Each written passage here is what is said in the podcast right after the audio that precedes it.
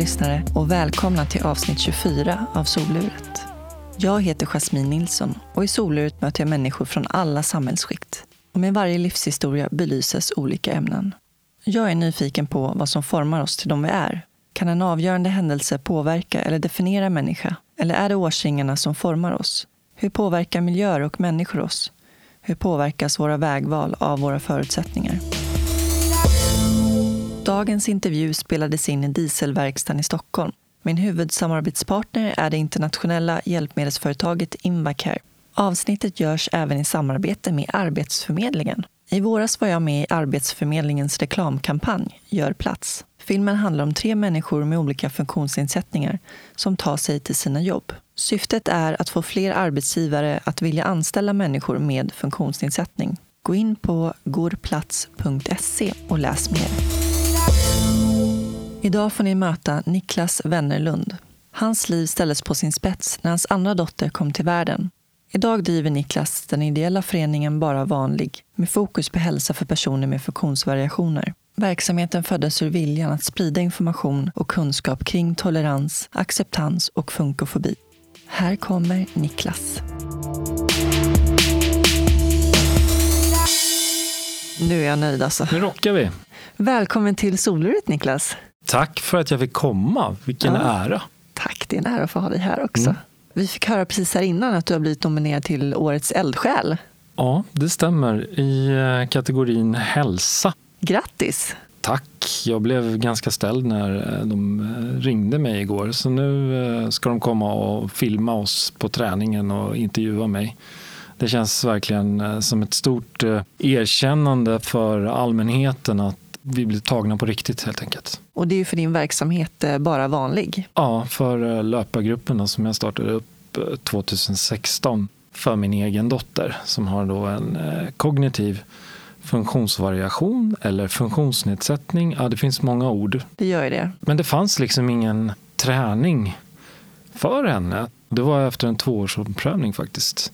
Så vi var på habiliteringen med överläkarna och de brukar ha brukar ha ganska bra koll på om det finns saker. Och hon svarade att nej, hon kände inte till det. Men det fanns ju en massa lopp som Glädjeruse, Lidingöruse, Glada midnattsloppet. Det finns ofantlig massa lopp men inte den här mängdträningen. Och faktiskt att få chansen att röra sig på sina villkor. För man har ju med sig en medlöpare då, som är antingen förälder eller assistent eller polare. Och det är de som springer som bestämmer hur långt det är. allt från autister till folk som är CP-skadade, folk som sitter i permobil. Det handlar lite om vad samhället ser som träning. För mig är liksom att röra ett finger träning. Jag tycker det är ascoolt när man utmanar de här ungdomarna och vuxna och barnen att faktiskt få göra deras grej. Jag tänker man får vara med på lika villkor utifrån sina egna förutsättningar. Exakt. På något sätt så är det här att tycka synd syndromet istället för att kolla på förutsättningarna och vad man faktiskt klarar av. Så att då kände jag så här, nej men jag drar igång. Jag ringde till Hellasgården och frågade. Nu finns vi i Göteborg, vi finns i Sundsvall, vi finns i Karlstad och vi startar upp nu i Hässelby. Och eh, Huddinge kommer vi starta upp och Solna är på gång och Haninge. Alltså det, det bara växer organiskt och det är jätteroligt. Men samtidigt så känner jag att det kanske går lite för, för snabbt. För jag vill ju utbilda de här volontärerna så att de jobbar samma tänk som, som jag. Det handlar inte bara om att bemöta löparna utan du måste också kunna bemöta anhöriga, assistenter. Det krävs ganska mycket engagemang för att driva igenom det här. Mm. Men hur känns det nu då, nu när du blivit nominerad till Årets eldsjäl? Liksom? Det är lite svårt att ta in. För på något sätt så, det började ju med att det var ju för min dotters skull, så att säga. För Melinas skull så drog jag igång det här för att det inte fanns. Och till slut så har jag ju någonstans förstått att nej men det här saknas ju, det här finns ju inte. Så nu är ju liksom målet att det här ska ju finnas över hela Sverige. Och mitt driv det är ju att jag ser ju glädjen, rörelseglädjen och gemenskapen varje tisdag. Jag kan ha en riktig, riktig, riktig skitdag. Men så kommer jag dit Och det första jag får det är kramar och åh gud vad kul att du är här. Och de som inte har något tal, de kramas eller de liksom växer. Och jag har två stycken autistiska grabbar som springer med varandra. De pratar inte med varandra. Men slutet av terminen så hjälpte de varandra och väntade in varandra. Det, det är så, så mycket mer än bara idrott. Jag förstår det. Men jag tänker att vi tar det från eh, början. Ja. Jag vill veta vart du kommer ifrån. Du föddes 1971. Eh, stämmer. Den 23 oktober. Ja, det stämmer det med. Vilken eh, koll du har. Jag försöker. Jag alltid bott i Stockholm. Har tre halvsyskon. Jag har två döttrar. Erika som är född 92 och sen då Melina som är född 97. Jag växte upp i Årsta som ligger söder om Stockholm. Hade en ganska tuff uppväxt. Eh, högstadiet blev jag ganska, jag vet inte varför, men på något sätt så blev jag lite, lite mobbad. Det har kommit fram liksom senare, när man har blivit vuxen och kommit fram till att, ah okej, okay, det, det kanske var så. På vilket sätt? Nej, men de kallade mig, jag är ju lite rödlätt och så hade jag då ganska mycket akne så de kallade mig för eh, hallon. Jag fattade inte det där då. Men nu, sen förstod jag ju liksom att det är jävligt elakt faktiskt.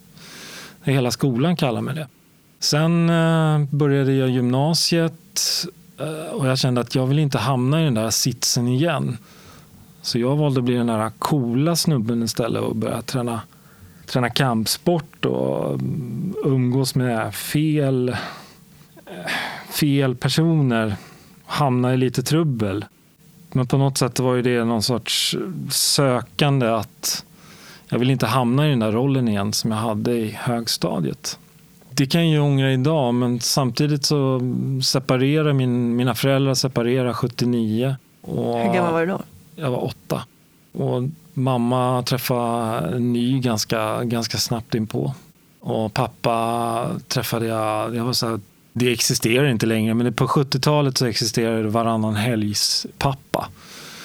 Och då var det så här, då skulle man liksom ta igen allting som man har missat. Och det enda minnen jag har det är att vi sitter liksom och tittar på videofilmer. Vi hyrde videofilmer och ja, uppväxten var väl kanske inte så här superkul. Sen började jag jobba på, som byggnadsarbetare. Egentligen, jag började på humanistiska. Jag tänkte att jag ska bli jurist. Det var min första tanke. Var kom det ifrån? Det kom nog från uh, tv-serier. Så typ okay. Lagens änglar och sådär. Jag tyckte ja. det var lite coolt. Så jag kände att ah, det där skulle passa mig. Och jag har alltid varit det här rättvisepatos. Att det ska vara rätt för alla. Jag står upp för de som kanske inte har sin egen röst. Eh, det kännetecknar mig ganska mycket jag är ganska orädd och jag går in i diskussioner. Om jag tror på någonting hårt så kan jag vara ganska kantig och fyrkantig för att jag vill förmedla mitt budskap. Jag hade, jag hade en föreläsning ganska nyligen på Forum eh, Carpe och jag var verkligen övertaggad. Och där sitter det då kommuntjänstemän som, som har hand om kring hälsa och funktionsvariationer. Och jag drog upp fakta från SCB, Statistiska centralbyrån, att 84 procent av Sveriges kommuner gör ingenting. Och jag la fram det kanske på, på fel sätt. Men på mitt sätt så kändes det rätt. Men Med anklagande? Ju, ja, precis. Så de var ju nästan arga på mig efter föreläsningen för att jag det är mitt engagemang som, som, som smittar av sig. Ibland så, så slår det över. Och då tänkte jag så här, okej, okay, men jag får kanske anpassa det på ett annorlunda sätt. Men eh, kommer man att lyssna på mig så får man höra på en person som har eh, ett eh, engagemang och jag tror så fruktansvärt mycket på, på det jag håller på med. Och jag tycker det är så, ursäkta språket, jävla viktigt att, att de här personerna ska fan ha rätt till inkludering i vårt samhälle. Därav kanske aggressiviteten och att jag på något sätt vill hjälpa de här människorna att få en egen röst. Varför tror du att det är så svårt att inkludera? Jag tror att det handlar om... Eh, vi kan ta rasism som ett exempel också. Jag tror att det handlar om okunskap. Jag tror inte att de har träffat någon som sitter i rullstol som inte har något tal eller som avviker på ett sätt. Men, men sen har vi även de här, med, de här dolda funktionsnedsättningarna som ADHD och ADD. Och det är ju också en funktionsnedsättning och det är ju många som lever med det. Alltså det är ju nästan en och en halv miljon svenskar som lever med funktionsnedsättning. Men sen är det också intressant, vad är en funktionsnedsättning? Jag hade en eh, föreläsning kring eh, fördomar, det här är länge sedan. Då brukar jag öppna med att fråga, vad är en funktionsnedsättning?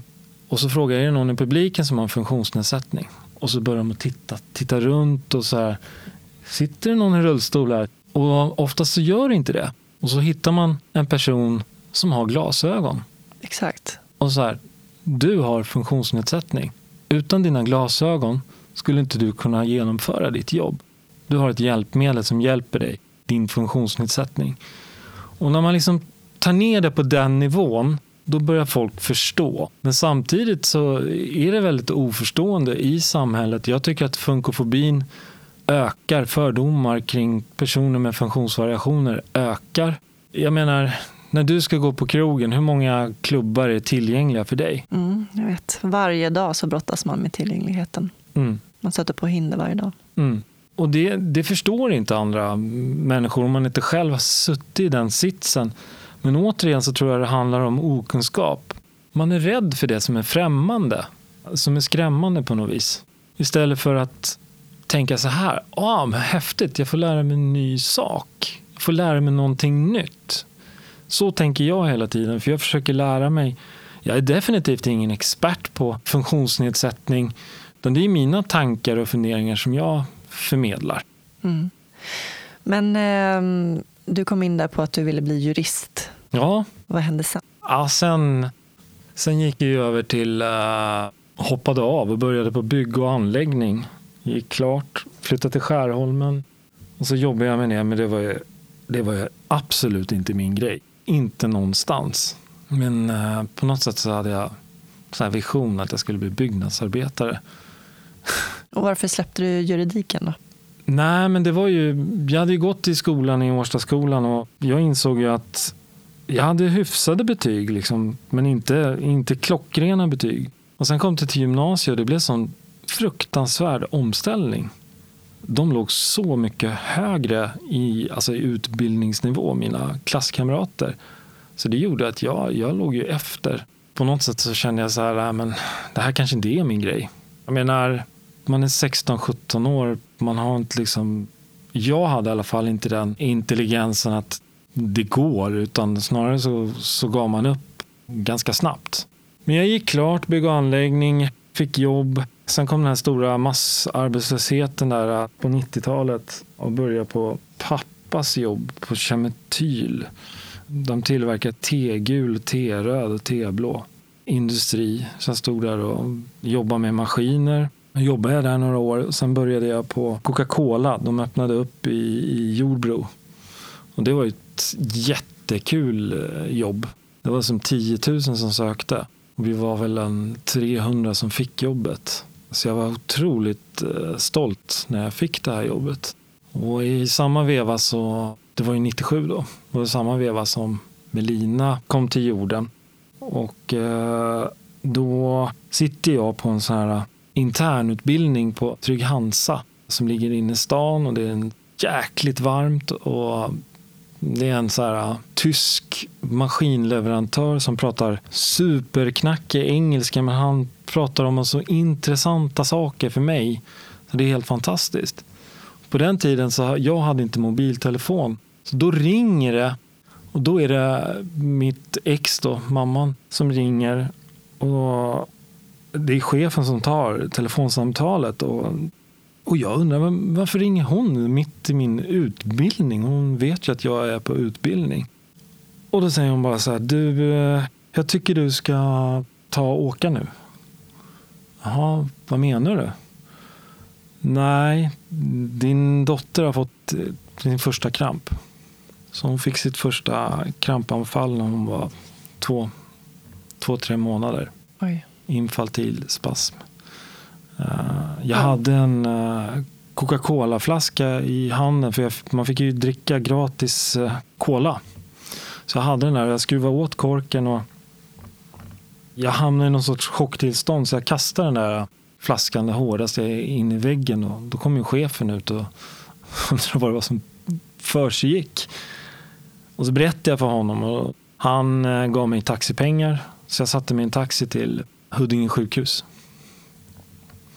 Och eh, kommer till Huddinge sjukhus och öppnas de här dörrarna till, till sjukhuset. Jag springer i en lång korridor. Och till slut så kommer jag fram till ett rum och där ser jag liksom tio vita rockar. Hon är ju två, tre månader. Hon är så liten, men det är liksom tiotal stycken. Det var som kinesiska muren. Jag ville bara flytta på de här läkarna, ta henne i famnen och springa därifrån. Men för mig såg det inte ut som att hon krampade. Jag hade aldrig sett en kramp, så jag visste inte vad epilepsi var. Då hade hon krampat i 18 minuter. Och hur såg det ut när hon krampade? Det såg ut som hon lekte och, och jollrade. Alltså, små ryckningar som bebisar kan ha. Men det var liksom synkat. Så det var hennes första, första kramp. Och det är ju hennes eh, största bekymmer. Hon har ju mellan 10 till 15 anfall per dag. Vi har provat ja, vi har provat alla mediciner som finns på marknaden. Det är väl då icke-legalt cannabis då, som, som finns på, på listan som man skulle kunna tänka sig att prova. Hur länge pågår de här krampanfallen varje gång? Det kan vara 5-10 minuter, det kan vara 10 sekunder, frånvaroattacker, ryckningar. Hon har alla sorter. Men tack och lov så har hon inte så att hon blir blå i ansiktet och behöver åka in till sjukhuset. Vi har provat ketogen diet och det är ju då mat som man väger, fetter, oljor. Vi har provat vagusnervstimulator. Vi har provat allt. Och det som gör mig mest förbannad är när hon har ju en jätte mm, liksom, karta med papper när hon ska till läkaren. Mm. Och hon hade ont i halsen så hon behövde penicillin. Och då åker vi in till en vanlig vårdcentral, jag och hon. Och då säger läkaren så här, ja ah, nej men alltså vi måste ringa neurologen. Uh, varför det? Hon har ont i halsen, hon behöver penicillin. Och till slut så får de tag i neurologen och neurologen säger, men vad är problemet? Det är bara att skriva ut eh, KV-penin så blir det bra. Sen har ju hon ett ovanligt syndrom som jag inte kommer gå in på och säga vad det är. För det är bara 25 stycken tjejer i Sverige som har det. Mm. Men eh, då var vi också på sjukhuset för en vanlig undersökning. Och då fick en överläkare reda på det här. Så då kom han springandes med sina läkarkandidater, ett helt gäng utländska kandidater, 20-25 stycken och ville gå in i rummet där vi var och komma in och titta och studera. Fan. Alltså. Som en jävla cirkusapa. Ja, hemskt. Och så frågade, så frågade han mig, är det okej? Okay? Jag bara, nej. Skulle du göra det för din dotter? Om din dotter var i den situationen? Och till slut så, så blev vi utskrivna om vi ska därifrån. Och eh, så kommer vi liksom ut till korridoren. Då står de där och liksom övervakar och liksom springer efter oss när hon sitter i, i rullen. Så fy skäms sjukvården säger jag. Vidrigt. Mm. Och tyvärr är inte jag ensam utan jag har hört flera historier kring mm. de här bitarna. Man inte tar hänsyn till människas integritet. Och... Nej, och det är ju likadant liksom, för att marknadsföra bara vanlig då, eh, löpningen bara vanlig hälsa så behöver jag ta bilder. Jag frågar alltid om, om det är okej okay att ta bilder för deras integritet. Samtidigt så känner jag mig lite illa till mods att göra det. För på något sätt så vill jag egentligen normalisera idrotten. Det ska inte ses konstigt om du är ute och liksom tränar i spåret. Ingen ska reagera. De ska bara, ha okej, okay, fan, nice, hon är ute och springer. Eller ute och rullar. Så på något sätt så spär man ju på det här. Och det är också så här, åh vad duktig hon är. Ja. Åh, fantastiskt. Ni är så duktiga. Ni är så fantastiska. Du, jag känner igen det när jag bara är ute och promenerar med hunden. Stöter man på pensionär eller sådär. Så ja, men vad fint att du är ute. Går det bra? Mår du bra? Ja, men det är bra att du rör på dig. Men det är så här, det är normalt. Alltså på något sätt, det är normalt att träna, att röra sig, att få göra det. Men på något sätt så ser inte samhället det som, som normalt. Utan de ser det som någonting annorlunda. Och då vet man inte hur man ska bemöta det. Så jag säger så, folk som stirrar på stan och tittar och inte säger något, det tycker jag är värst. Det är de vuxna. Barn de går ju fram och, de går ju fram och frågar. Mm. För de är så nyfikna. Ja. Och det är fantastiskt. Det är befriande. För då kan man liksom svara. Och föräldrarna försöker dra undan, så här, ja. dra undan barnen. Ja. Så fråga istället. Sen är det individuellt. Alla kan ju inte... Det finns ju vissa assistansanvändare som förmodligen blir skitförbannade om, om de frågar. Det går liksom inte att säga vad som är generellt rätt för alla. Jag tänkte hoppa tillbaks eh, mm. när din dotter fick sitt eh, första krampanfall. Mm. Hade ni någon aning om det innan att hon hade en, en eh, diagnos? Mm. Ja, hade vi. Hur tidigt fick ni veta det? Vi fick gå på ett extra ultraljud på, på Karolinska. Så det var ett ultraljud som, eh, ett vanligt ultraljud, jag hade varit på det och det var ju så här glädje. Hon tog fram sin fina mage och den här eh, spaten och den här blå krämen. Och, ja, det, var, det var ju bara glädje. Men det tog längre tid än vad det normalt brukar göra. Och till slut så började barnmorskorna tissla och tassla och ja, något som inte stämde. Så då fick vi åka in på extra ultraljud och eh, träffade då en eh, läkare. Han hade jobbat bakjour, så han var ganska trött. Och han ville få det här överstökat ganska snabbt. Så han eh, tog med, han tittade inte med i ögonen utan eh, han började köra igång. Och det enda han skulle göra det var att leta fel. Och det var ju liksom... Då sa de att hon saknar hjärnbarken och eh, i värsta fall kan det ge epilepsi. Det var det hon sa.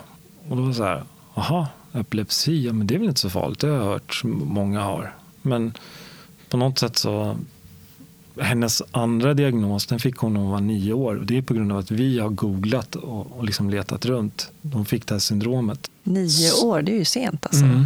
Det är vi själva som har, som hur, har letat hur fram Hur uppdagades det? Liksom, vad var de främsta symptomen som ni såg? Eh, det var ju då kramper och att hon är tjej och att det finns någonting som heter mm, i ögonvitan så finns det någonting som heter eh, lakuner som är som gula fläckar.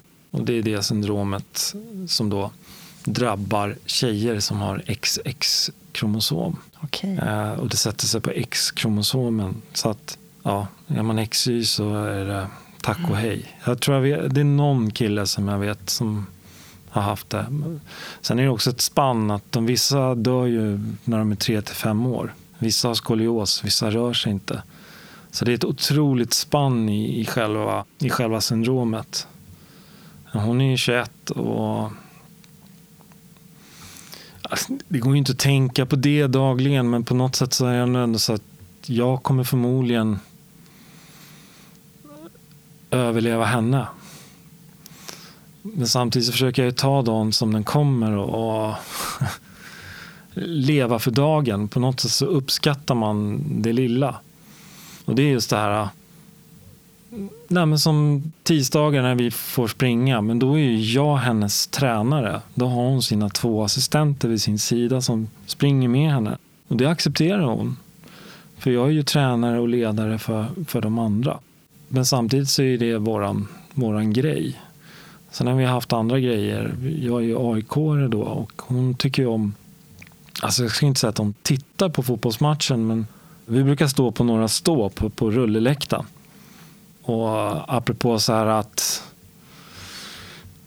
fotbollshuliganer är farliga och livsfarliga. Och, mm, nej, de, eh, det, det som har hänt på match det är liksom någon överförfriskad som kommer fram. Öh, fan, öh, fan kan vi inte, kan vi liksom, eh, jag skulle vilja köpa en tisha till henne. Det är ungefär det som har hänt. Och det har blivit bemötta med kärlek och, och respekt.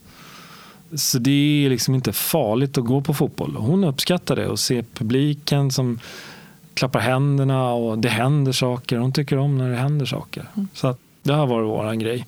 De andra assistenterna får faktiskt inte åka på det. Utan det, är våran, det är våran grej. Det är väl fint? Ja. Pappa och dotter-grej liksom. Ja, men det är lite så. Ja. Jag befinner mig hos min samarbetspartner Invacare här ute i Spånga och sitter tillsammans med Jeanette. Hej hej! Hej! Hur är läget med dig? Det är bara bra tack.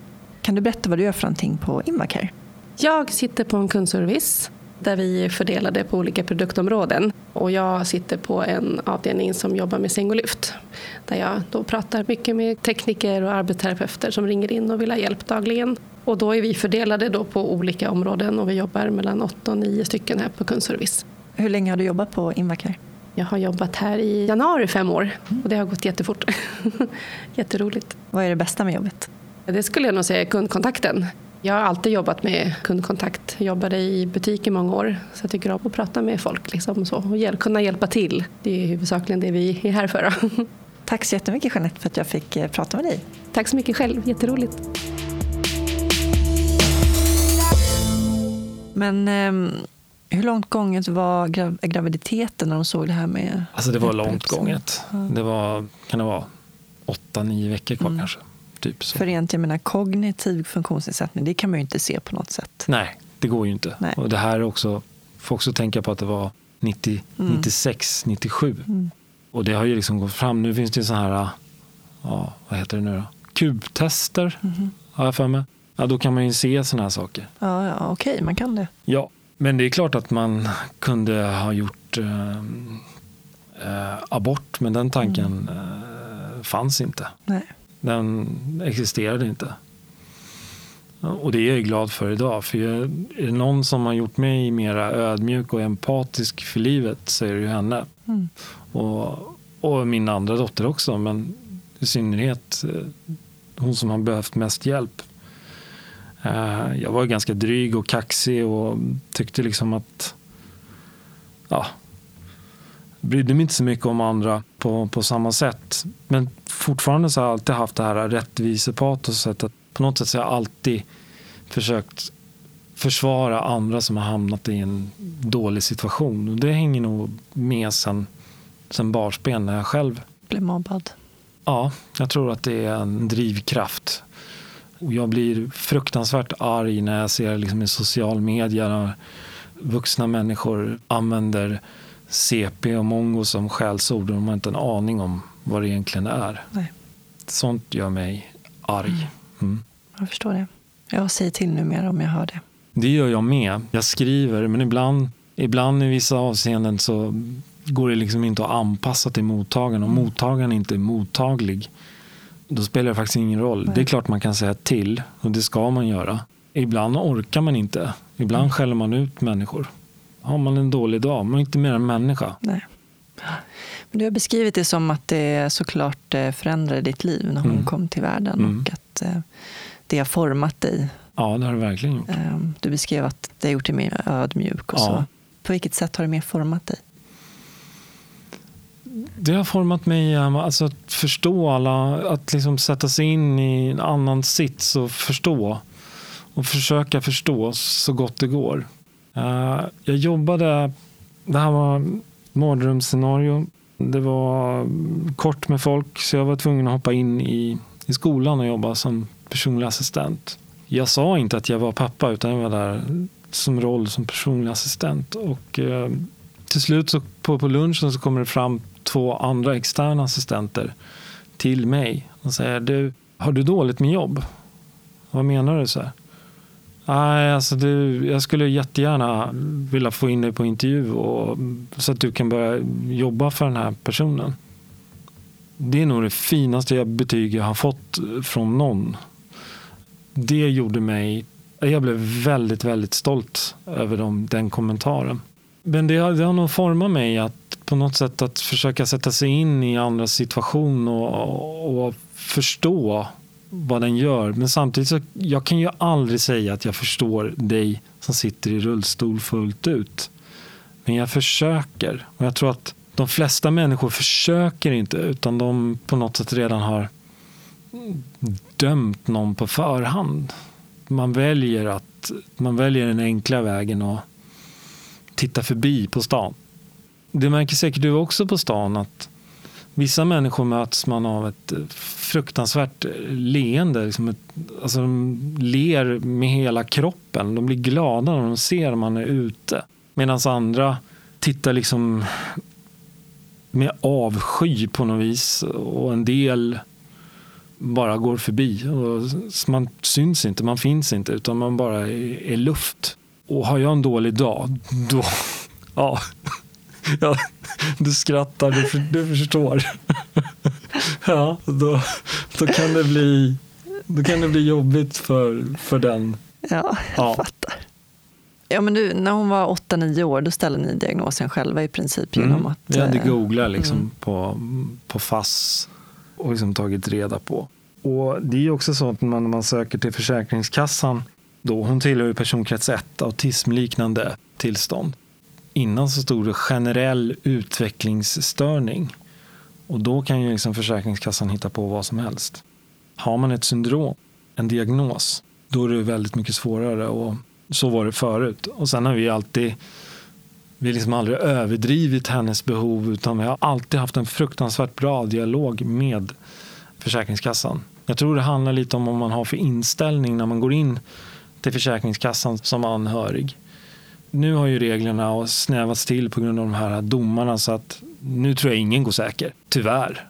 Man har ju en oro i magen att personen i fråga ska liksom ja, mista sitt jobb eller eh, splittras från sin familj, flytta till en institution och sen matar man ut barn som har jättestora behov ut mot allmänheten i media. Tyck synd om mig, tyck synd om mig, tyck synd om mig. Det blir så fel för att de här personerna kan så, så mycket, mycket mer. Och man liksom visar inte hel, man visar liksom inte helheten utan man visar en liten, liten del av assistansen. Det gör mig vansinnig. Men LSS är inte bara personlig assistans utan det är tio andra insatser som, som är precis lika viktiga. Som stödperson, korttidsboende, att goda levnadsvillkor som det står i LSS som är en rättighetslagstiftning. Det är ett svårt ord. Prova att säga det i en podd. Ja. Eh, och socialrättslagen, där, SOL, då, där står det skäliga levnadsvillkor. De två meningarna betyder så otroligt, otroligt mycket för den personen som behöver hjälp. Och kommer man upp över 20 timmar grundläggande behov som är av och påklädning, kommunikation, mat, dusch och ingående kunskaper om funktionsnedsättningen. Då kommer man över den här 20 timmars gränsen. Då har du rätt till ett liv! Ja, precis. Då får du gå på krogen. Du får jobba, du får göra saker. fest! Och det fattar inte folk. att Det är liksom sån stor skillnad. Hamnar man under den här 20 timmars gränsen då är det liknande mm. hemtjänstinsatser. Och det här är alltså vuxna människor eller barn som behöver hjälp dygnet runt. Och man räknar ju minuter också, så det finns ju de som kan hamna på 19 och en halv timme till exempel. Liksom man, precis under de här 20 timmars Men vad tycker gränsen. du om, eh, om det här klockandet? Jag tycker det är fruktansvärt. Ja. Så otroligt kränkande. Var det så i början? Jag upplevde inte att det Nej, var så i början. det var det inte. Nej, det upplevde ni att man beskrev en dag? Och man hade inte ens ett formulär då heller i början. Nej, utan man, utan bara, man, hade en, man bara pratade, man hade en dialog. Ja, man hade ett med en handläggare. Exakt. Och ett läkarintyg ja. på att man har en, en bestående, som i mitt fall en bestående skada resten av livet, som är oföränderlig. Jag vänder mig lite till, eh, till dina lyssnare. Vad tycker ni om eh, tvåårsomprövningarna? Tycker ni att det är skäligt att när man har en bestående funktionsnedsättning ingenting förändras. Men vartannat år så ska man skicka in läkarintyg till. Och gå igenom allting en gång till, ja. hela proceduren. Ja. Är det liksom bra skatte, att använda skattepengarna till? Eller kan man använda det till någonting annat? Mm. Nu tog jag över lite. Men det är ingen fara. Ja, nej, det är så otroligt kränkande när man går igenom den här omprövningen. Alltså, som i mitt fall, då var det ju en handläggare från Försäkringskassan och så var det en så kallad controller då, som skulle sitta med. Och... Controller? En controller hade jag. Berätta. Hon satt ju bredvid där och var i princip tyst medan handläggaren då satt med det här formuläret på jag vet inte hur många sidor eh, där man går igenom varenda liten grej. Liksom hur, hur jag kissar, hur många sekunder det tar, när man bajsar, hur lång tid tar det, vad behöver du för hjälp, hur lång tid tar det att duscha. De satt där i tre timmar hemma hos mig. Härligt. Och sen var det ju lång eh, utredningstid efter det. Jag måste säga att jag är i alla fall glad för att jag slapp den här totala förnedringen av att ha en arbetsterapeut som ska vara med och klocka i duschen. För det vet jag, har jag kompisar som har varit med om. Mm. Att en arbetsterapeut ska vara med i duschen Mm. och klocka hur lång tid olika moment tar när man duschar. Alltså, jag tror inte, alltså, kan man ens föreställa sig den förnedringen? Hur det är att vara med om en sån sak? Jag vet inte. Det är, ja, usch, jag blir så upprörd bara jag tänker på det. Men, och det här händer nu, Det händer nu. i Sverige, 2018. 2018. Det är Mm. liksom, 2015 gick finansministern ut och sa att den skulle dämpa kostnaderna på assistansen och eh, sjukersättningen. Och det är precis det som har hänt. och så sätter man utsatta grupper mot varandra också. Ja, den vill jag inte ta, men eh, du har en poäng där. Men samtidigt så skulle inte jag vilja kalla personer med funktionsnedsättning utsatt grupp, utan jag vill vända på det. Och ni är människor precis som alla andra och på något sätt ska ni också räknas precis som alla andra. Jag hatar när de säger att ni är en svag grupp, för det är ni inte. Nej. Nej. Jag har också reagerat på det här uttrycket de svaga. Ja, Att man ska stå upp för de svaga. Ja. Jag känner inte igen mig i det, jag känner tvärtom. Mm. Med tanke på att man eh, kämpar med hinder varje dag så är man allt annat än svag. exakt. Eh, Jag känner bara i princip assistansanvändare som i mina ögon är mer krigare än, än många normalstörda som ger upp alldeles för tidigt. Det finns en fa- fantastiska föreläsare som håller på och inspirerar och motiverar men de, de skulle kunna liksom sätta sig en, en dag som assistansanvändare och ha det hjälpbehovet så frågan är om de kommer ha samma mindset efter en vecka. Det skulle vara intressant. Mm. Du har ju lång erfarenhet själv inom assistans och har jobbat som personlig assistent. Ja, jag har jobbat som personlig assistent i flera år och sen har jag jobbat på assistansbolag som, som chef och kundansvarig och säljare inom assistans och, och sådär. Så att jag har ju snurrat runt i assistansvärlden i nästan Ja, min dotter är ju nu 21, så 20 år har ja, hon fick assistans när hon var 7 eller 8 tror jag. Så någonstans mellan 13 till 14 år så har jag snurrat runt och jag började professionellt att jobba med det när hon var 10-11. För innan så kände jag att det var en stor sorg att få ett barn med som inte är som alla andra. Och det tog tid för mig. Jag valde att liksom sätta på mig offerkoftan och tycka synd om mig själv istället för att eh, se möjligheterna. Jag var ganska bitter. Vi separerade, jag och mamman. Då när hon, när hon flyttade, när vi flyttade isär, det blev varannan vecka, då blev det så här, men in med assistans i hemmet med främmande människor som man faktiskt inte egentligen vill ha där. Men jag hade ju ändå valmöjligheten att gå därifrån. Det har ju inte min dotter, utan hon behöver ju personer 24-7. Så det är ju en stor omställning att få personlig assistans. Men samtidigt med rätt personer i assistansen, med rätt assistenter så är det en fantastisk frihetsreform.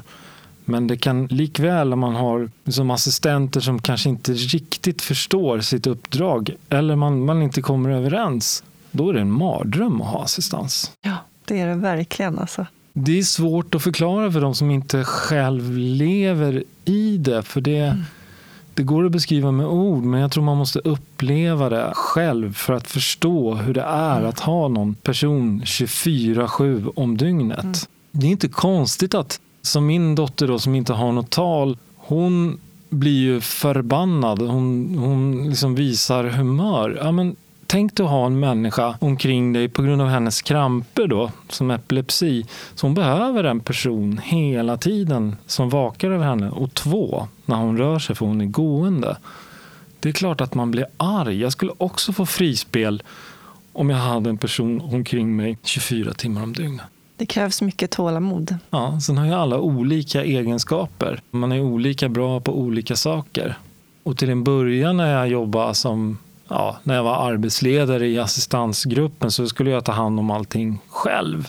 Istället för att delegera. Att faktiskt liksom se styrkorna i assistansgruppen och på något sätt, ja men du är bra på schema och du är kanske bra på de här bitarna. Men som sagt, det är ju en mognadsperiod och assistansbolagen, ja men de har ju sina utbildningar, de eh, vanliga som kring personlig assistans och arbetsledarutbildning. Men det är så, så mycket mer i assistansen som man får lära sig själv.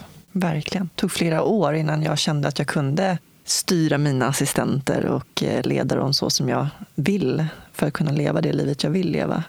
Det var inte helt självklart i början. Jag var ju tonåring så det var ju min mamma som fick ta det ansvaret. Så det tog ju många år innan jag mm. växte in i någon slags ledarroll för det var ju inget naturligt för mig. Nej, och det där känner jag igen bland andra som jag känner som har assistans, som då är assistansanvändare. Jag tänker då helt osökt, liksom hur, hur funkar det i tonåren när man vill frigöra sig som, ja, men som vilken tonåring som helst? Liksom dricka sig full eller röka eller ja, whatever. Det är jättesvårt. Hur assistenterna ska förhålla sig också. Ja. Mm, det är en hel vetenskap det där. Mm. Hur man ska få det att fungera, mm. livet med assistans. För inkluderande för de här personerna, liksom var femte person med funktionsnedsättning, i synnerhet de med intellektuell funktionsnedsättning, de har inga polare.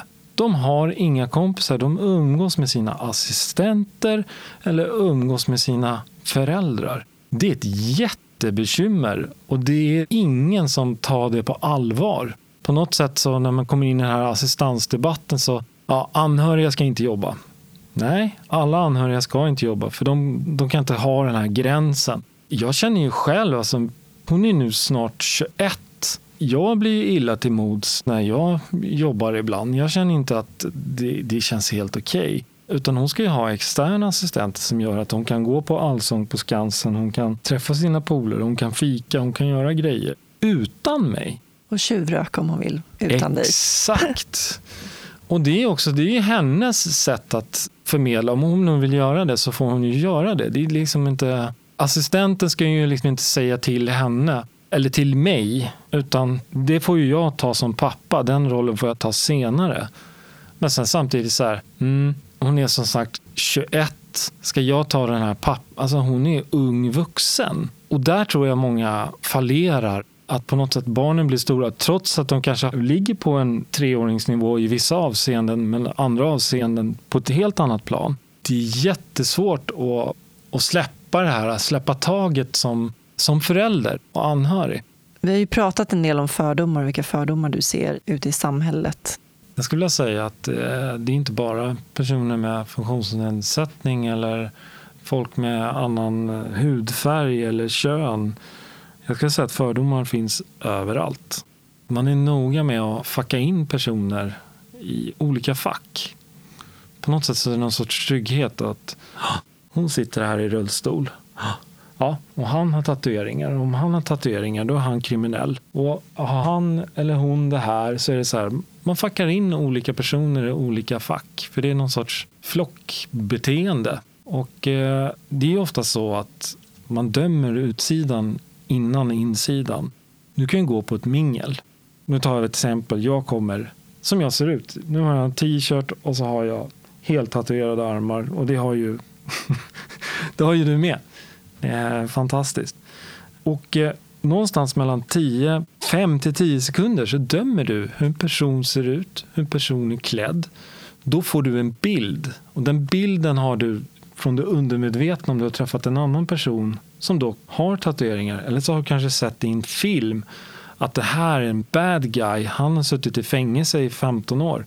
Då får du den kopplingen att ja, den här killen har suttit inne i 15 år. Om man pratar med varandra så ser man ju att personen kanske inte är så. Utan prata med varandra, säg hej, gör någonting av det. Lär dig av andra personer, lyssna. På så sätt så tror jag man kan motverka eh, fördomar. Men jag tycker om eh, namnet Bara vanlig. Det är ju för att man vill bara vanlig, bara ja, smälta tack. in i mängden. Därav namnet. Och jag blev så glad. Jag hade en tjej som är, kan vara 18-19, sitter i, i rulle, har lite talsvårigheter och så säger hon till mig när hon fått sin tröja så säger hon så här, jag är bara vanlig. Då, och då, då, man gråta. då började jag nästan gråta. Det förstår jag. För då, då förstår jag liksom att även målgruppen har förstått mitt budskap. Då kan det inte bli bättre. Det är jag så glad för det namnet. Men det tog lång tid innan jag kom på vilket namn jag skulle ha.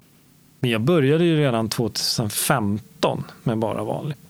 Men det har inte varit superenkelt. Det har varit ganska tufft faktiskt. Det är först nu som det liksom börjar lossna mm. med jobb och sådär.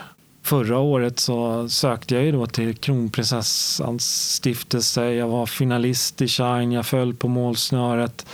Jag sökte olika och jag fick nej, jag fick nej, jag fick nej. Jag var på ett mingel på slottet. Fantastiskt. Jag fick träffa Victoria och eh, Daniel. Och då hade jag redan fått det här beskedet att jag inte kommer få stödet från dem. Så att kunna utveckla verksamheten ännu mer. Och jag är ju tävlingsmänniska. Så jag gick ju ut som ett åskmoln på, på, på, slottet. Jag var så sur och så arg. Det var ingen som ville mingla med mig. Så de som var på det där minglet i november, be om ursäkt om ni hör här. På vilket sätt var du arg? Eller liksom var jag var besviken, förbannad. Att jag inte, jag fattar de inte liksom vilken skillnad det gör för de här personerna som är med. Och vi finns i Karlstad, vi finns i Sundsvall, nu startar vi upp i Hässelby. Alltså, man vill ju att saker ska hända nu, nu, nu, nu, nu, nu. Jag har dåligt eh, tålamod och det har jag fått lära mig som entreprenör. Det är inte lätt att starta företag oavsett vilken bransch den startar. Och startar man någonting helt nytt kanske de personerna, sponsorerna inte förstår vilken skillnad det gör. Det gör det ju ännu svårare. Men mitt driv det är liksom att vi ska finnas i hela Sverige och 2025 då ska vi finnas i Norge, vi ska finnas i Danmark, vi ska finnas i Finland, vi ska finnas i Europa. Det finns liksom ingen stopp. 70 miljoner i världen som ska kunna ha användning för det här. Ja, jag får, ja men du ser, jag får ju, jag får ju som gåshud när jag pratar om det. Du är passionerad. Ja, jag älskar det jag håller på med och som gör mig lycklig, genuint lycklig. Vad innebär det för dig att vara människa? Det innebär att jag, har, jag får göra saker på, på mina villkor. Vad betyder frihet för dig? Frihet är att man kan vara sådär plump på, liksom på ett mingel. Att man faktiskt vågar vara sig själv hela vägen och vågar vara det. Äkta och vara sig själv, det är frihet mm. för mig. Vad gör dig arg? Det har vi redan snuddat lite vid. Oh. oh. Eh, okunniga människor som, inte, som liksom inte tar sig tiden att lära känna en annan människa. Istället för att hata så på något sätt ta reda på varför du hatar. Det gör mig fruktansvärt arg när man på något sätt dömer ut folk innan man ens har träffat dem. Vad gör dig lycklig? Att få, få göra skillnad för andra, att hjälpa andra till någonting bättre. Då känns det, känns det riktigt bra. När man ser att liksom en kille som aldrig har hållit en uppvärmning håller en uppvärmning på sitt sätt i permobilen. Han viftar med sina armar, han viftar med sina ben och vi andra gör exakt likadant. Han vågar göra det. Det gör mig lycklig när jag ser att människor vågar. Vad drömmer du om? Jag drömmer om att Bara vanlig ska bli internationellt och att jag ska kunna, kunna leva på det här och kunna utbilda andra ledare så att det liksom blir en eh, folkrörelse. Sen är det några snabba, korta frågor också. Okej. Okay. Kaffe eller te? Kaffe. Bok eller film? Oh, film. Kött eller grönsaker? Alltså jag gillar ju kött. Förlåt, jag är miljöförstörare. Se eller höra? Uh, se. Planering eller spontanitet? Det tror jag du kan svara på. Spontanitet tror jag. Ja, alla dagar i veckan. Ljus eller mörker? Uh, ljus. Fort eller långsamt? Långsamt. Lyssna eller prata? Alltså, får man säga båda? Ja, det får man. Ja, för det, jag älskar att prata. Tycker om att höra, jag tycker inte om att höra min egen röst, men tycker även om att, att lyssna och ha intressanta diskussioner.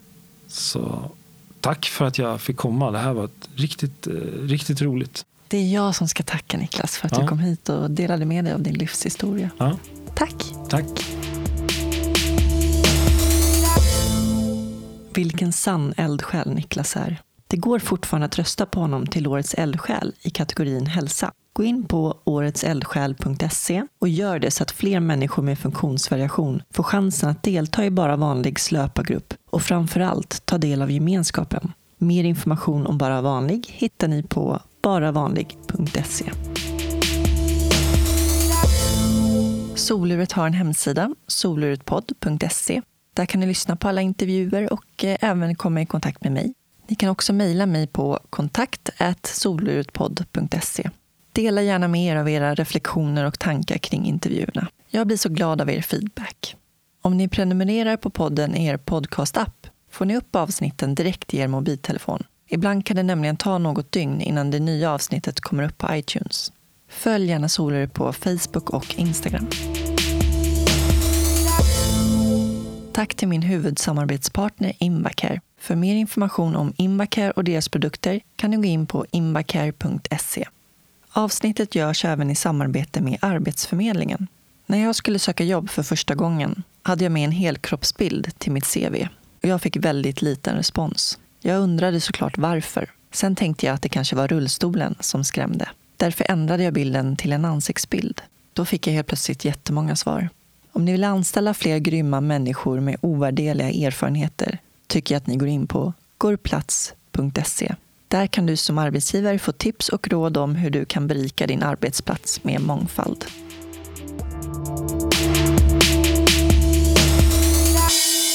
I nästa avsnitt får ni möta Andreas Jonsson.